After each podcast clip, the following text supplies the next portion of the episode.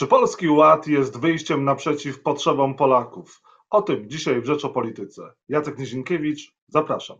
A Państwa i moim gościem jest Ryszard Petru, ekonomista, szef Instytutu Myśli Liberalnej, były szef Nowoczesnej. Dzień dobry. Dzień dobry. Tęskni Pan za polityką? Pana półtora roku temu wychodziłem z polityki. Na razie nie mam zamiaru wracać, ale wracam do debaty publicznej i to, za czym mogłem tęsknić, to właśnie za możliwością rozmawiania o ważnych rzeczach, chociażby z Panem, dlatego że dużo ważnych rzeczy dzieje się w Polsce, a mam wrażenie, że głosu liberalnego, takiego pragmatycznego w ogóle nie słychać. No ale jak to? No, Nowoczesna jest partią liberalną, Platforma jest partią liberalną, jak to nie słychać? Nie chcę komentować opozycji, bo dużo jest ostatnio krytyki, ale nie są to. No nie ma głosu liberalnego w polskim parlamencie, nie ma głosu, który był, krytykowałby pewne rozwiązania, chociażby w ramach e, Polskiego Ładu. Wydaje się, że tego typu działania jak think tank mają też być e, takim sygnałem dla partii politycznych, że opłaca się iść wbrew temu trendowi, który narzuca PiS, pod hasłem kto da więcej, ten lepiej, ten wygra wybory. Proszę Państwa, ludzie mają prawo być zmęczeni tym rozdawnictwem. Każdy narzeka na inflację i w Stanach Zjednoczonych jest olbrzymia debata. Państwo też o tym piszą w Rzeczpospolitej, ale nie ma tego głośno w debacie publicznej, że te wielkie wydatki publiczne będą jeszcze bardziej nakręcały inflację, która zżera nasze dochody. I to jest jakby punkt pierwszy, a punkt drugi z tym związany. Mamy bardzo wysoką inflację, mamy 100% na poziomie zero, ludzie masowo zaciągają kredyty za rok, dwa, zapasą dużo wyższe odsetki od obecnych kredytów i może być to podobny problem, albo większy nawet niż problem frankowy. No ale jeżeli chodzi o problemy finansowe Polaków, to kwestia e, wysokich cen, inflacji, e, wiceminister, e, wiceminister finansów powiedział, że to, jeżeli chodzi o szczyt inflacji, jest w maju i w czerwcu. Później już będzie tylko lepiej, no ale do, do tego mamy 500, plus, mamy liczne programy socjalne, no i mamy przede wszystkim Polski Ład, który wychodzi naprzeciwko potrzebom Polaków. Polski Ład w kontekście inflacji, świetna. Proszę pana, 5700 to jest przeciętne wynagrodzenie. Osoba, która będzie zarabiała na etacie poniżej średniego wynagrodzenia 5 tysięcy złotych traci na Polskim Ładzie. Teraz przedsiębiorca, który wystawia fakturę za 5700 i wyżej, traci na Polskim Ładzie. Teraz pytanie, co zrobi firma, która będzie musiała zapłacić te wyższe podatki, zamiast 19, 26, bo to jest taki wzrost podatków. No, część tych swoich y, wyższych podatków przerzuci na ceny. To jest prosta konstrukcja CEPA. Proszę Państwa, firmy działają dla zysku, to jest chyba oczywiste. Jeżeli ten zysk się zmniejsza, bo państwo zabiera więcej, jeżeli ktoś chce utrzymać zysk na podobnym poziomie albo nie, nie, wpaść, w strat, nie wpaść w stratę, to będzie musiał przerzucić to na ceny, tak? Czyli wyższe podatki oznaczają wyższe ceny wielu towarów, usług, no chociażby wszystkich usług, które otrzymujemy, od restauracji poczynając, poprzez fryzjera i tak dalej. Przecież ci ludzie często są właśnie na działalności gospodarczej i to uderzy jeszcze bardziej w ceny. Polski Ład jest wyjściem naprzeciw tym, którzy są elektoratem PiSu. Polski Ład ewidentnie dzieli społeczeństwo na pracujących i tych, którzy są beneficjentami jakby dodatkowych środków z, z podatków. Mam wrażenie, że tu chodzi też o coś więcej, to jest filozofia państwa, która dzieli społeczeństwo na tych, którzy mają zapłacić na innych. To buduje tożsamość, bo część osób, które wyższą podatki zapłacą, będą wkurzone, powiedzą to wprost, że musimy na kogoś tam płacić, użyją brzydkich słów, obrażą tą grupę społeczną, która otrzymuje te pieniądze i w ten sposób buduje się tożsamość, bo PiS mówi, dajemy wam kasę i bronimy was przed tamtymi, do tego jeszcze olewamy to sosem katolicko-narodowym i mamy socjalizm narodowy. Specjalnie używam słowa narodowy socjalizm, żeby się nie kojarzyło wprost z nazizmem. Mamy socjalizm narodowy, bo to jest taka atmosfera zagrożenia narodowego, bardzo mocno podszyta jakby takim twardym ludycznym katolicyzmem i wydatkami socjalnymi. I to ma stworzyć taką bazową grupę pisowską, nie wiem, 35% elektoratu, żeby to był elektorat twardy, któremu nigdy nie będzie się opłacało zagłosować przeciwko PiSowi, bo stracą na tym. I na tym polega ta filozofia, a to jest złe dla państwa. Pan dobrze wie, że nigdzie redystrybucja, nigdzie wyższe podatki, Nie, nigdzie tego typu rozwiązania nie spowod, albo wyższa inflacja nie spowodowały tego, że dany kraj się bogaci. No dobrze, dla, ale Prawo i Sprawiedliwość mówi, że nie chce wcale podnosić podatków. Jedyne co chce, to chce stworzyć polską klasę średnią, że ta polska klasa średnia była w Polsce silniejsza i liczniejsza. To nowoczesna miała być rzecznikiem e, polskiej klasy średniej. Ale proszę pana, PiS to mówi, ale robi coś innego, czyli nas, powiem wprost, okłamuje. Przecież, e, wie pan, tylko w przypadku podatków to jest matematyka. Ludzie w przyszłym roku, jeżeli te wszystkie ustawy z nowego Polskiego Ładu wejdą do parlamentu, zostaną przyjęte, przy, po prostu w przyszłym roku zapłacimy wyższe podatki. O 1000 zł wyższe, o 2000, o 3, o 10, 30, zależy ile kto zarabia. To jest olbrzymie uderzenie właśnie w klasę średnią, to jest podcięcie skrzydeł, to jest Polski Ład, to jest dobijanie albo zniechęcanie Polaków do przedsiębiorczości, no bo daje sygnał, jesteś przedsiębiorczą, ryzykujesz, a ty zapłacisz dużo wyższe podatki niż dotychczas i pamiętaj, że nie, nie licz na jakąkolwiek pomoc ze strony państwa.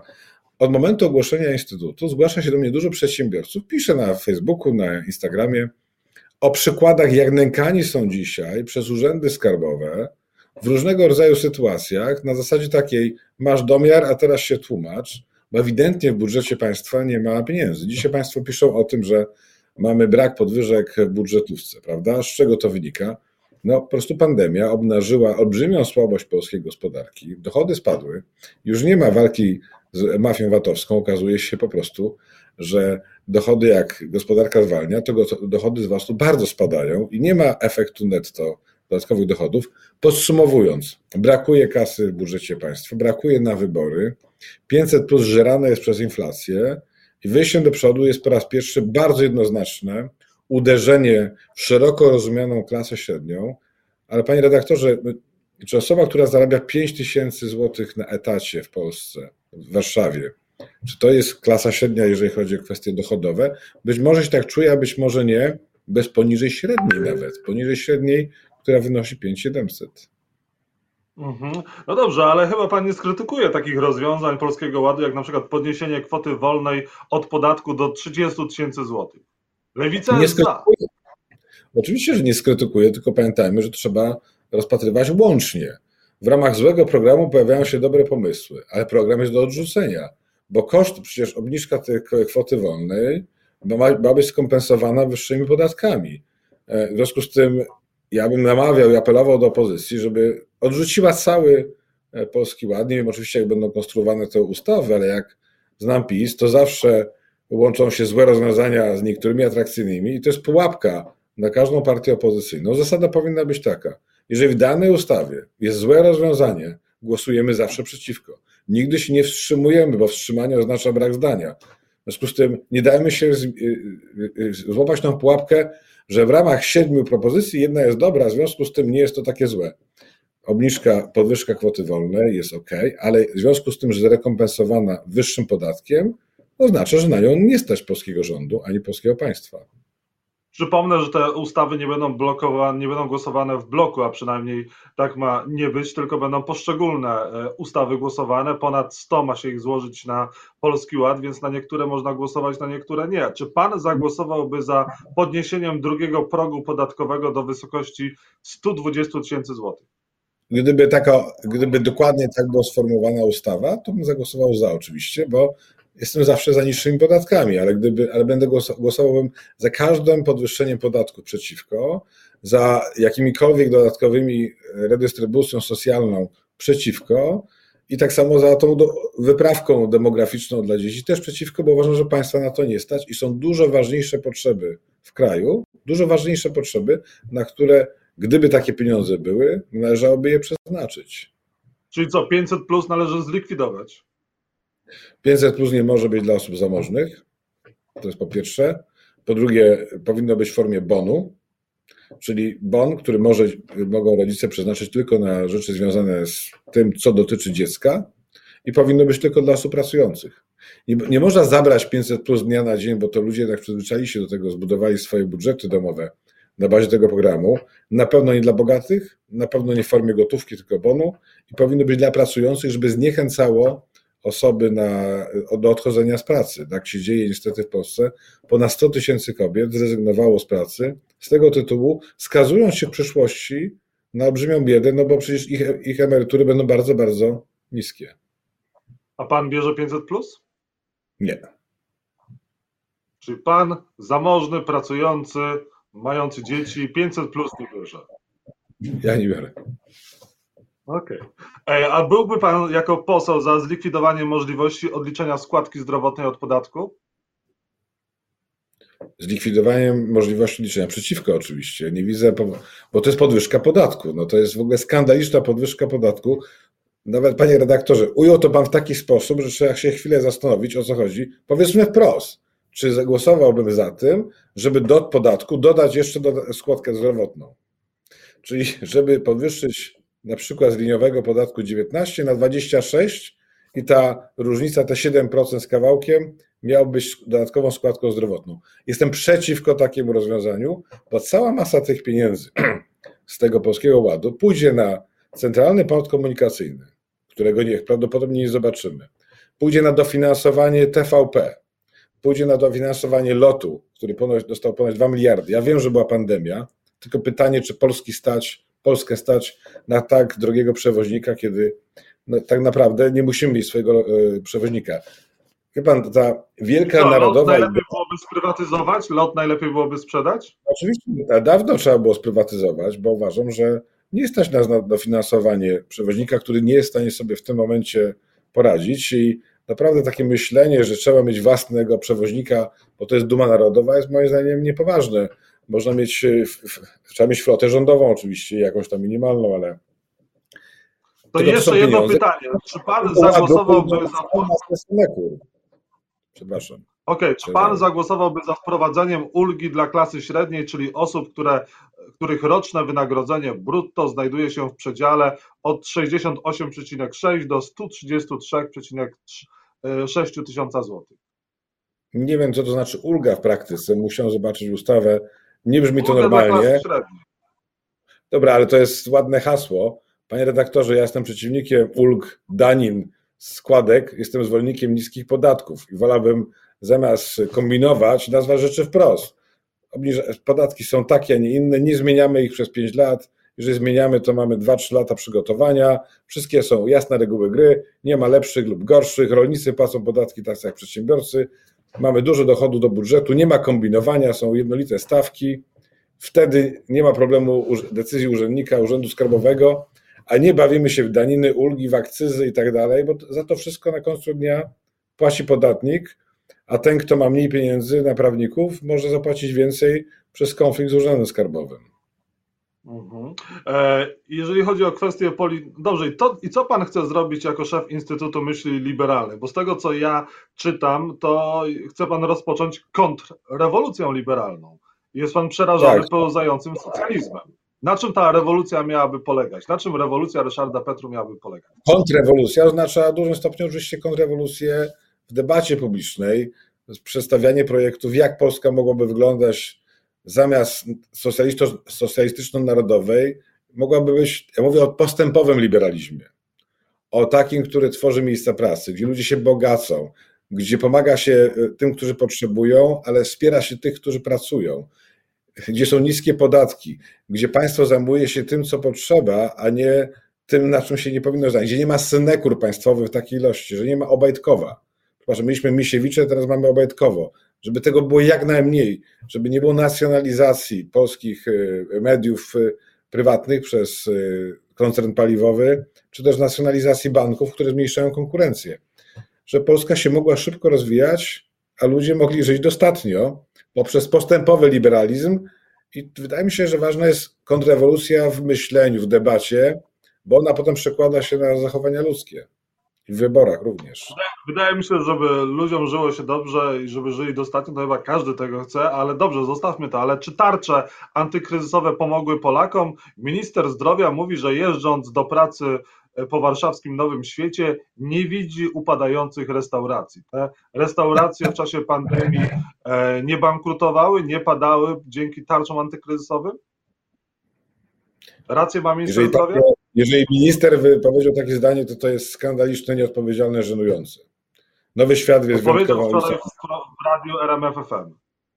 No, to jest żenujące, dlatego że jak ktoś ocenia e, gospodarkę z okien limuzyny, jadąc nowym światem, która jest, wyjątkowo, jest wyjątkową ulicą, gdzie są bardzo wysokie czynsze, jest cała masa firm, które upadły. Były małe, których pan minister na pewno nie zauważył, bo często mówimy na przykład o restauracji, która ma cztery stoliki, która jest bardzo mała. Mówimy o fryzjerach, o gabinetach kosmetycznych, o hotelach. Tego wszystkiego nie ma na tym krótkim odcinku między Ministerstwem Zdrowia a parlamentem, e, a, a Sejmem, bo akurat wiem, że to jest trakt królewski, wyjątkowa ulica w Warszawie.